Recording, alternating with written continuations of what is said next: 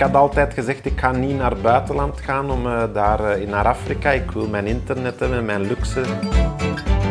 We zijn eerst twee keer geweest voor de adoptie. En dan hadden we gewoon passie voor Ethiopië. In de Bijbel wordt Israël het land van melk en honing genoemd. Eten speelde toen, net als nu, een belangrijke rol in het leven. Maaltijden waren een ideaal moment voor een gesprek. Vandaag de dag vertellen mensen nog even graag verhalen rond de tafel. Ik koppel het nuttige aan het aangename en zoek praatgrage gasten op in hun keuken. Op het menu staan boeiende geloofsgesprekken terwijl we werken aan een hemels hapje.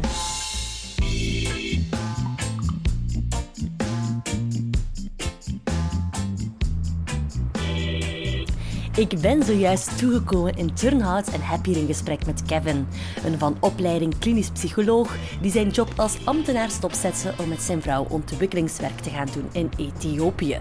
Een passie die opkwam toen ze hun adoptiezoontje daar gingen ophalen. Vijf jaar later zijn ze definitief terug in België voor nieuwe uitdagingen met hun geloof als motor. Maar gaat het er nu om humaniteit of om zieltjes willen voor de kerk?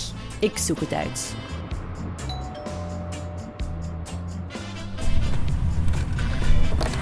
Hallo. Hallo. Heb je alles mee? Uh, ik denk het wel, ja. ja omdat we een hondje hebben en dat loopt weg.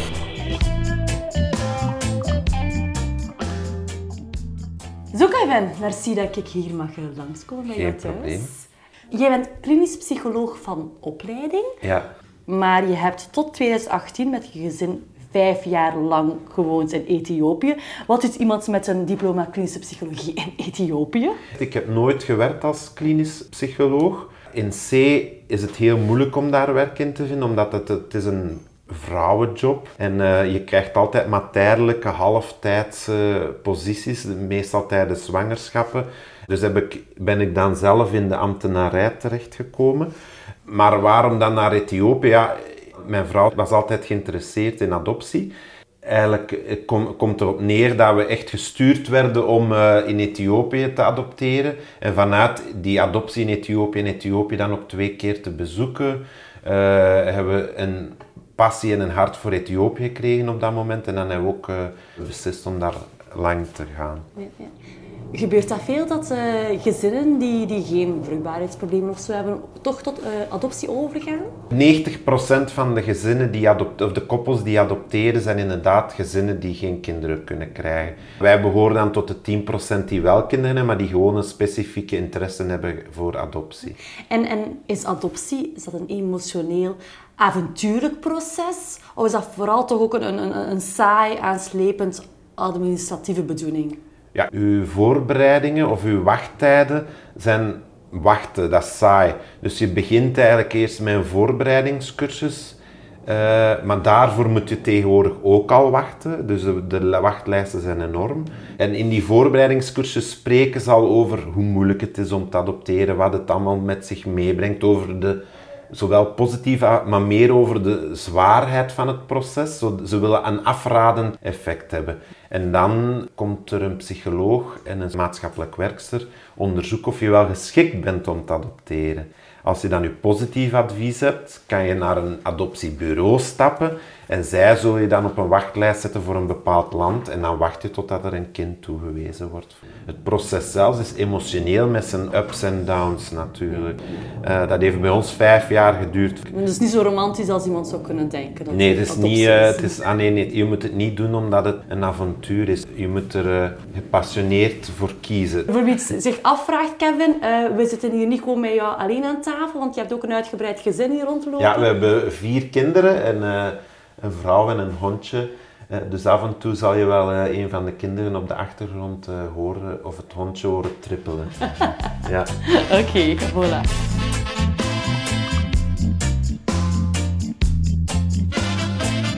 Ja, uh, waarom een kindje eigenlijk uit de andere kant van de wereld adopteren? Um, en, en uiteindelijk meebrengen naar, naar een andere cultuur, een ander land hier in België. Waarom wordt geen pleegkind hier?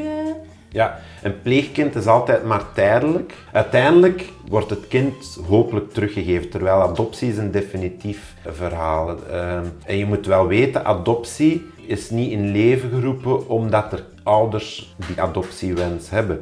Adoptie is in leven geroepen omdat er voor sommige kinderen geen andere oplossing gevonden kan worden. Dus, en dat, en dat was altijd ons verlangen. Adoptie mag maar de laatste oplossing zijn voor het kind in kwestie. En wij hebben in Ethiopië gezien dat er gewoon voor sommige kinderen gewoon geen oplossing is. Of een weeshuis, maar dat levert dan niet een warme gezinssituatie op. Uh, Kevin, ik weet niet dat het bij jou zit, maar ik heb eigenlijk al een beetje honger gekregen. Ja. Dus misschien moeten we ons even naar de keuken begeven. Ja, oké, we gaan dat proberen.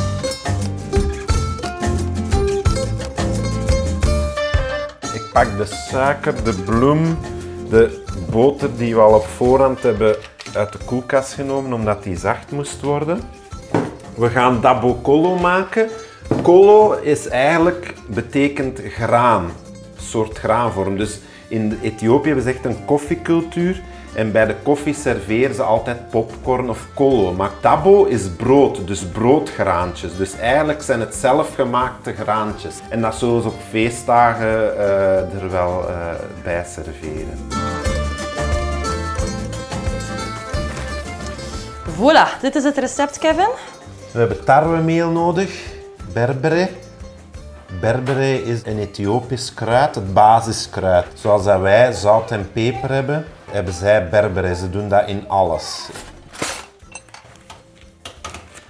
Suiker, zout, water en zachte boter. Voilà, we hebben alles staan. We gaan de oven al voorverwarmen. Ja, op 175 graden. Ja. Doe maar.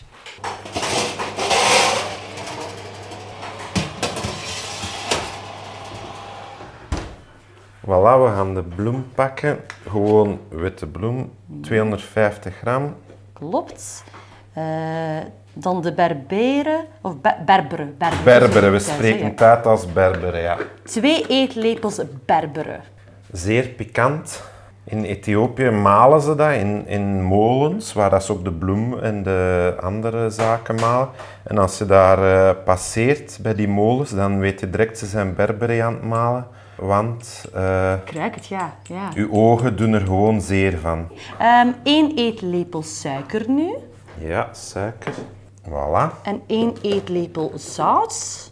Eén oh, sorry, theelepel. Thee, theelepel, oei, oei. Ja. en dan moet je dan mengen. Voilà. Staat de Ethiopische keuken bekend om uh, zijn pikantheid? Zeker. Uh, als het niet pikant is, dan is het niet goed. Maar dat, dat, dat doodt ook de bacteriën. Dus okay, uh, ja. als het vlees in de berbere gekookt is, dan uh, is het meer te vertrouwen dan dat je het gewoon eet. En kon je dat verdragen als je daar woonde? Ik had het uit beleefdheid, maar mijn maag kan er niet zo goed tegen. Dus ik had liever de minder pikante dingen. Oké, okay, volgende stap in het recept. Voeg langzaam het water toe en dat is 1,2 deciliter. Ja. Voilà. Kevin, en dan vervolgens moeten we de zachte boter toevoegen. En dat gaat over... Vier, vier eetlepels. Dat is uh, uh, 60 gram boter.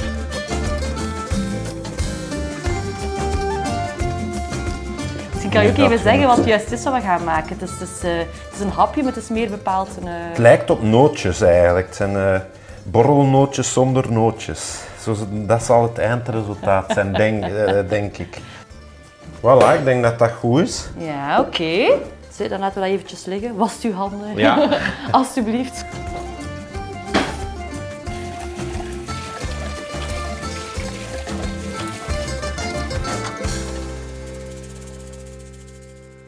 Kijk, we zitten nu terug aan tafel en we waren net al bezig over... Uh, mijn vraag waren dat jullie eigenlijk destijds in Ethiopië waren beland. Mm. En je vertelde je toen, dan vertelde je toen dat je daar in de eerste plaats was voor een adoptieprocedure. Maar uiteindelijk hebben jullie daar wel vijf jaar doorgebracht. Dus... We zijn eerst twee keer geweest voor de adoptie.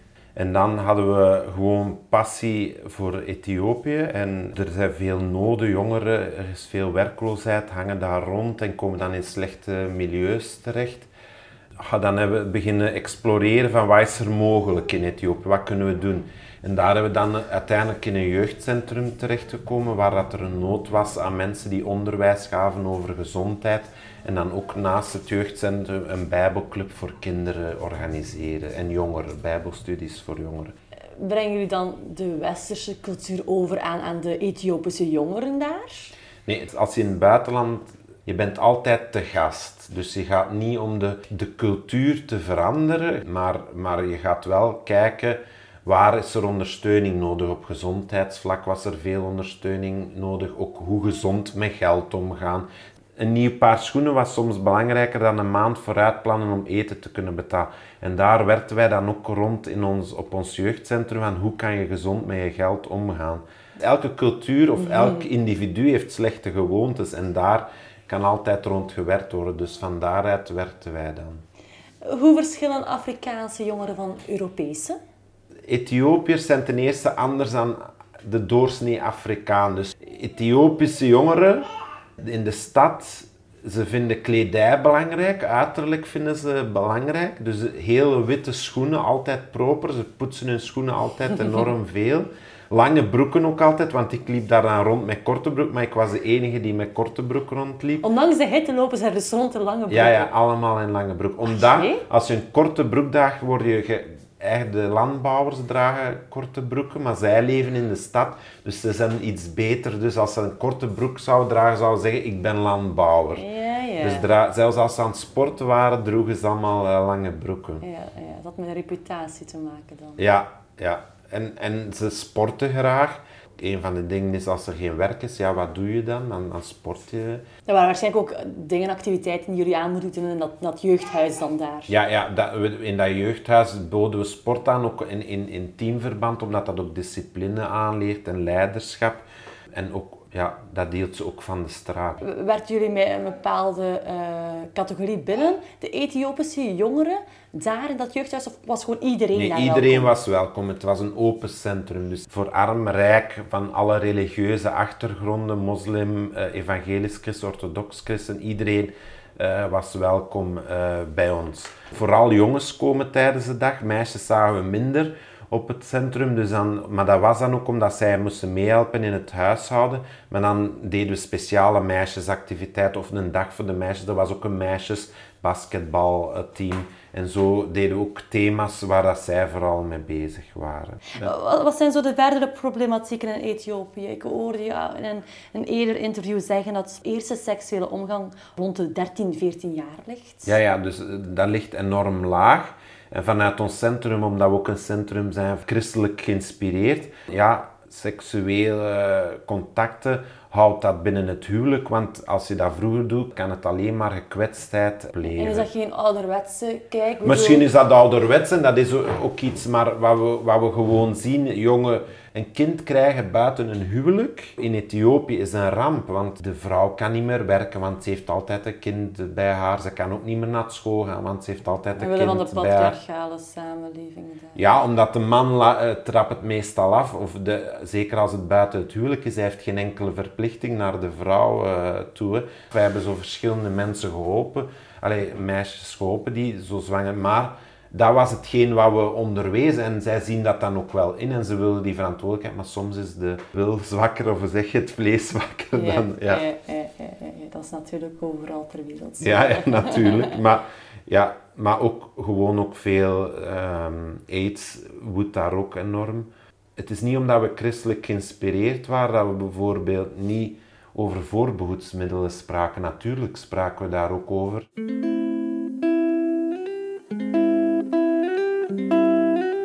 Vooral waar dat jongeren mee worstelen is de hopeloosheid van hun bestaan. Ze hebben geen zicht op, uh, op een toekomst. Zelfs al hebben ze een universitair diploma, zelfs dan hebben ze nog geen job. En meestal binnen Ethiopië, een familie dat rijk is, blijft rijk. Een familie dat arm is, blijft arm. Je kan moeilijk die klassensprong maken. Al heb je een universitair diploma, toch lukt dat bijna nooit. Waar kwamen jullie inkomsten vandaan? Werden jullie door een organisatie betaald of zo daar? Nee, dus wij werkten voor een organisatie, maar wij leefden van giften, zoals dat ze het noemen. Dat lijkt me niet zo evident. Kwamen jullie gemakkelijk rond op het einde van de maand met jullie loon? Soms wel, soms niet. Wij leefden eenvoudig, maar we hadden genoeg om te leven. Wat primeert eigenlijk voor jullie? De, de mensen helpen in hun, in hun basisnoden of hen over, over God vertellen? Voor ons is het een balans. In de geschiedenis heb je altijd gezien dat sommige mensen alleen het evangelie, de Bijbel gaan verkondigen. Maar ondertussen verhongerden mensen. Als koppen geloven dat God het allebei... Dat, het een kan niet zonder het andere. Het is een symbiose. Je kan niet gewoon over Jezus gaan vertellen en iemand laten sterven van honger, bijvoorbeeld. Of ze laten leven in hun hopeloosheid. Oké, we gaan daar straks verder op in, maar ik denk dat we nu even moeten terugkeren naar ons recept.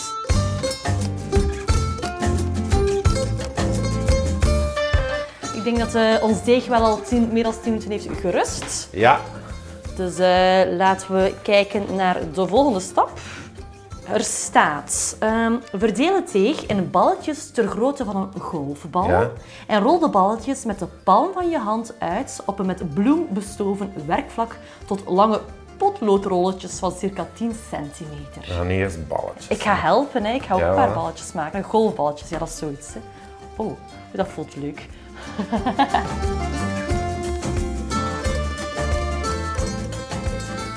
Oké, volgende stap. Knip de rolletjes met een schaar in stukjes van circa 1 à 1,5 centimeter. Ja, zo echt tot, tot borrelnootjes grootte. Spreken jullie dan eigenlijk ook de, de lokale taal in Ja, we hebben twee talen, want we hebben op twee plekken gewoond. Eh, en daardoor hebben we eerst Tigrinya geleerd, wat ik eigenlijk nu nog gebruik. Want ik werk hier nu in België met vluchtelingen onder andere. En we hebben veel vluchtelingen van Eritrea. Ja. En die spreken ook Tigrinya. Dus Eritrea... Ethiopisch is geen taal, hè? Nee, Ethiopisch is geen taal. In C zijn er 60 talen in Ethiopië, er- maar de vijf hoofdtalen heb je. Dus er zijn vijf hoofdtalen. Amhaars is een hoofdtaal, Tigrinya is een hoofdtaal. Maar in de praktijk spreekt iedereen Amhaars van de volwassenen, maar omdat wij met kinderen werkten, moesten we ook Tigrinya leren. Eh, Zeg eens iets in Tigrinya. De handigie wil zeggen hoe gaat het met jou voor een meisje? Want als je tegen een jongen zegt hoe gaat het, is het de handiga. De handigie, de handiga. In hun groet zeggen ze ook altijd God zij geprezen. Dan zeg je Xabier Mezgen. Is Ethiopië vooral een moslim of een eh, christelijk land? Je hebt heel raar, je, je kunt steden hebben helemaal eh, christelijk en dan een stad verder helemaal moslim.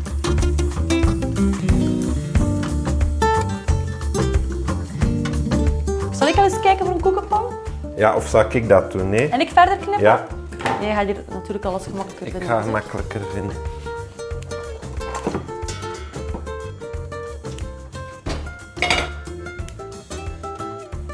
En je mag er zoveel op een pan leggen als de bodem bedekt is.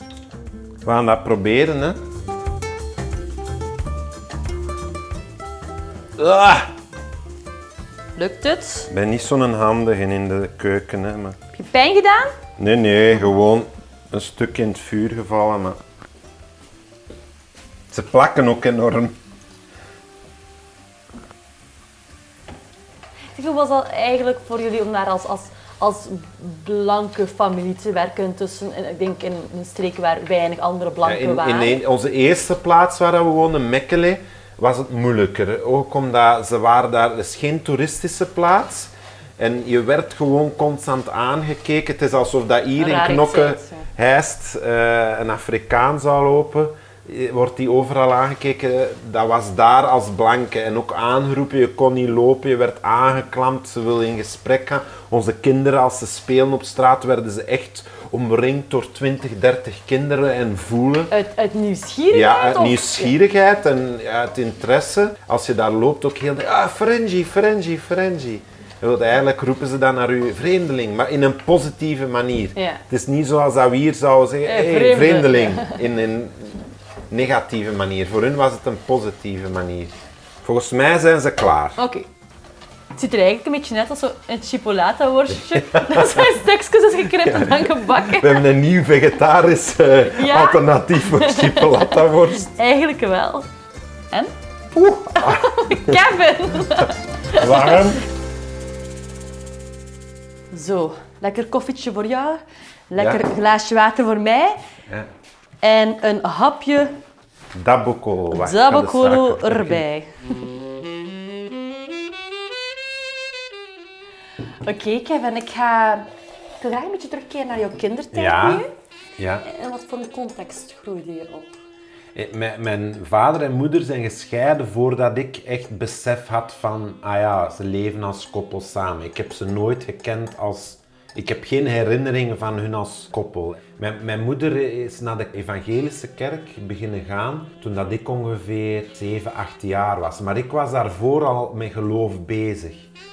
Ehm, op 12 jaar is mijn vader overleden. Is omgekomen in een vliegtuigongeluk. Wat op die periode zeer, confront, ja, zeer grote impact had. Want mijn moeder was juist hertrouwd. En ehm, ja, alles tezamen heeft dat wel een grote impact op mij gehad. En, en hoe, hoe zat dat dan? Eh, jouw vader was piloot? Of Nee, hobbypiloot. hij was hobbypiloot? Ja. Die- Hij deed geen lijnvluchten of zo? Nee, nee, nee, nee. Maar hij hij- mijn vader was reclamemaker en hij moest reclame maken voor een vliegtuigmaatschappij. En door het filmen van een landend vliegtuig hebben ze elkaar geraakt en dan is het ene vliegtuig neergestort en het andere niet. Ik zag mijn vader niet veel en, en dan ineens was hij er niet meer en dan, ja, dat, dat, dat leidt dan tot veel innerlijk nadenken en innerlijk conflict. En dat dan ook verenigen met God was moeilijk dan. Hoe kan een God bestaan en hoe kan eh, mijn vader overleden zijn? Dus ja, hoe kan een God en lijden tegelijk? En die worsteling waar ik daarna door ben gekomen, dan pas heb ik echt kunnen zeggen en nu kan ik mij volledig geven. Dat was rond mijn 16, 17 jaar. Als je God zou omschrijven, wie is hij dan? God heeft verschillende namen. En die namen geven allemaal een eigenschap van God weer. Je hebt, dat zijn dan de Hebreeuwse namen, maar ik zal de Nederlandse namen gebruiken. Je hebt God de trooster. God brengt troost in ons leven. Voor, ons, voor mij is dat een zeer relevant verhaal geweest. Allee, een zeer relevante eigenschap. En God is voor mij een trooster geweest. Maar God is ook een eh, vredevorst. Hij kan rust brengen. De rustbrenger. Dus dat wil zeggen, als, als, als je stress hebt in je leven of kan, als je die stress afgeeft aan God, kan je daar rust rond krijgen, vrede rond krijgen. En zo heeft God, is, heeft God eindeloos veel facetten. En elke dag leer je een ander facet van God eh, kennen. En dat is zo fascinerend. Je hebt God nooit helemaal. Je begrijpt God nooit helemaal. Maakt jou, jouw christen zijn jou, jou anders eigenlijk? Of is het gewoon dat je op zondag niet kan uitslapen dat je naar de kerk moet? Ons christen zijn heeft invloed in alles wat we doen voor ons als gezin. Het is allesomvattend. Eh, in relaties met anderen probeer je die liefde te tonen die God ons vraagt om te tonen aan anderen. Ook al is het moeilijk. Ook al heb je die persoon niet graag, toch vraagt God van ons, heb die persoon lief. Maar ook in onze keuzes van adoptie, van het werk dat we doen en gedaan hebben, is altijd, hebben we gedaan als christenen. Naar het Ethiopië-verhaal. Ja. Ehm, waarom zijn jullie eigenlijk vorig jaar teruggekeerd naar hier? We hebben altijd om de twee jaar geëvalueerd, blijven we nu langer of niet. En normaal gingen we blijven tot 2020. Alle omstandigheden wezen er ook op van het is nu tijd om naar België terug te keren. We hadden gepland om een project te doen in Ethiopië en dat kon dan door omstandigheden niet doorgaan. Onze oudste zoon ging ook naar het middelbaar onderwijs. Wij gaven thuisonderwijs. Dat is wel een enorme grote verantwoordelijkheid. De tweede zoon die deed echt niet graag thuisonderwijs. Dat ging ook moeilijk. En Els was terug zwanger. En we hebben dan gewoon gebeden en een tijd van gebed gehad. We hebben onze vrienden gevraagd, bidden jullie voor ons? En als, als je iets te zeggen hebt, zeg het ons dan. En dan wees alles terug om naar België terug te komen. Het was wel moeilijk en er zijn tranen. We hebben afscheid moeten nemen van Ethiopië en dat is ook niet makkelijk allemaal. Maar nu zijn we terug en, en ja, En hoe is dat dan hier om je terug aan te passen opnieuw aan die, die, die Belgische cultuur, dat westerse ritme? Ja, het, dat, ik noem het de rat race. Terug in de rat race heb ik eens neergeschreven ooit. De Afrikaanse cultuur de Ethiopische cultuur, het sociale is altijd primair. Dus als je een vergadering hebt, maar je komt iemand tegen die je al lang niet gezien hebt, of die, of, en waar je even, eventjes een gesprek, is dat de prioritair boven die vergadering. Dus als je dan wat later toekomt op de vergadering, dan geeft dat niet. Ja. En dat is wel een prachtig leven. En daar hou je dan, iedereen houdt daar dan ook rekening mee. Dus iedereen komt te laat. Ja. Behalve als westerling. Ja. Als, zit je daar om negen uur. En in het begin erger je daar, maar de volgende keer kom je gewoon ook maar om tien uur. Als de afspraak om negen uur was. En dat mis ik wel een deel van. Hier, je bent zo gebonden aan tijd. De bus van de school komt om 7.30 uur. Ah, stress, stress, stress, want iedereen moet klaar zijn om 7.30 uur. Oké, de afspraak is om dat uur. Ik denk dat het ook zijn, zijn voordelen wel kan geven. Dingen gaan daardoor door. Ja, maar, maar is het een ramp als, het, als iemand te laat is? Als je naar Ethiopië gaat, hebben de mensen, ah ja, hij moet zich aanpassen. Hij, moet, hij, heeft een jaar om zich aan te passen en de taal te leren. Maar als je terugkomt, denkt iedereen, ja, maar hij is een Belg, dus hij weet dat. Kom maar terug wonen en neem je leven op zoals het was. Ja. Nou, maar na een jaar terug te zijn, merk je wel van, ja, zo eenvoudig is het niet. Uh, je, je, hebt stress daardoor. Ja, neem gerust terwijl ook een dabokolootje. Uh, je bent nu coördinator in België voor de internationale organisatie OMF. Wat is of doet OMF? OMF is een missionaire organisatie. In België focussen we ons op korte termijn, jongeren korte termijn sturen naar Azië. We, we, zoeken jongeren die gepassioneerd zijn voor God en voor Azië. En ze gaan daar uh, bijvoorbeeld Engelse les geven in um, Taiwan. Of uh, sportkampen organ mee organiseren. Als Belgische organisatie begeleiden we hun daarvoor en daarna ten eerste voorbereiden op die... Dat heeft een zware impact. Een jaar of een maand zelfs gaan leven in een totaal andere cultuur. Je moet daar voorbereid op worden. Maar ook daarna, van wat heeft dat met u gedaan? Wat heb je eruit geleerd? Wat heb je over God meer leren kennen in die periode? En wat brengt de toekomst nu? Wat wil je nu verder doen? OMF staat voor? Overseas Missionary Fellowship. Oké. Je werkt ook halftijds onder vluchtelingen en migranten in ons land. En naast jouw werk bij OMF dan. Vertel daar eens iets meer over. Je, je ziet van dat België is nu veel multicultureler dan dat het uh, tien jaar terug was. En uh, daardoor zijn er ook veel mogelijkheden. Um, er is een vluchtelingenstroom die binnenkomt. Um, die, die, mensen hebben ten eerste ook basisnoden. Zij moeten huizen zoeken als ze mogen blijven. Ze hebben hulp nodig in hun proces, administratief proces. En wij eh, als koppel staan hun daarbij en, en, en gewoon ook ondersteunen, vrienden voor hun zijn, helpen met Nederlands. En, en, in dat proces tonen we ook Jezus liefde voor hun. Maar ze blijven hun eigen cultuur meedragen. En dat vinden we ook belangrijk, dat ze, dan een Venezuelaan een Venezuelaan blijft, dan een uh, Eritreër Eritreër blijft. Dat vinden we ook belangrijk. En dat en daar is... een andere Belg niet zo vanzelfsprekend is, wat nee, je, hebt, je hebt verschillende soorten integratie. Je hebt volledige assimilatie. Dat is, je bent Belg en je wordt helemaal Belg en je hebt niets meer van je cultuur. Voor mij een goede integratie is dat je je eigen identiteit in de cultuur kunt dragen. En dat wil zeggen dat je respect hebt voor de, de gewoontes. Dat het nodig is om hulp te bieden aan mensen die, die het moeilijk hebben, dat begrijp ik, dat doen jullie. Maar waarom is het nodig om daarnaast ook over de Bijbel te vertellen? In, deze digitale tijd kunnen mensen niet meer over God willen te weten komen, toch alles zelf perfect opzoeken. Waarom moeten jullie dat ook nog eens vertellen daarnaast? Velen komen uit landen waar dat zelfs niet over Jezus mocht gesproken worden. Veel vluchtelingen zijn ook christenen die naar hier gekomen zijn omdat ze daar niet mochten christen zijn. En dus, ehm, maar dat is niet het eerste wat we doen. Het is niet zeggen, hallo, ik ben Kevin en ehm, ik ga u eventjes het evangelie uitleggen. Daar, het, het is, onze motivatie is niet om, om zieltjes te winnen. Onze motivatie, God roept ons op om mensen lief te hebben. En, en, en als mensen daar zeggen, ja, ja, dat is fijn, daar moeten we niet van weten, dan hebben we daar respect voor. En we gaan hun daarom niet meer helpen, we blijven hun helpen daarvoor. Wou je altijd al missionair werker worden?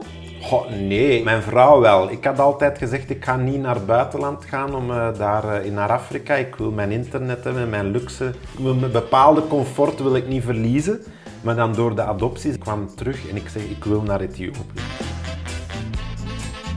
Het is soms makkelijk om geld te geven, geld in de collecte te steken, zodat, zodat er werk kan gebeuren. Maar eigenlijk wil God ook dat we zelf onze verantwoordelijkheid opnemen. Zowel op het vlak als mensen ondersteunen, mensen helpen, maar ook in het evangelie te verkondigen, het evangelie te vertellen aan anderen. En dat is onze passie de Vlaamse kerk dat, eh, daar terug, dat, dat ze daar warm voor worden. als kerk moeten we ons niet opsluiten. Als kerk moeten we naar buiten gaan. We moeten relevant zijn in onze stad. Er staat in de Bijbel, je zult de kerk herkennen, om, de christenen herkennen omdat ze zoveel liefde betonen. En zijn we nu daarom bekend? Ik denk het niet. Ik denk dat, we, dat de kerk eerder een negatieve connotatie hebben. Eigenlijk zou het moeten zijn dat als mensen denken aan de kerk, ah ja, dat is, my, die, die mensen die, die doen zoveel in de maatschappij voor de armen, voor de wezen, voor de vluchtelingen. En dat is zo goed, de goede naam. En dan gaat het niet om, we moeten een goede reputatie hebben, maar dan gaat het gewoon om wat God ons oproept om te doen. Oké. Voilà Kevin, uh, we gaan het hierbij laten. Dankjewel voor jouw tijd, voor het gesprek en voor jouw Ethiopische hapje. Uh, dan verwijs ik de luisteraars nog door naar alle eerdere afleveringen van onze Melk en Honing podcast op twr.be. Wie vragen heeft, kan altijd een berichtje sturen naar kiara.twr.be. En Kiara is met C-I-A-R-A. Tot de volgende!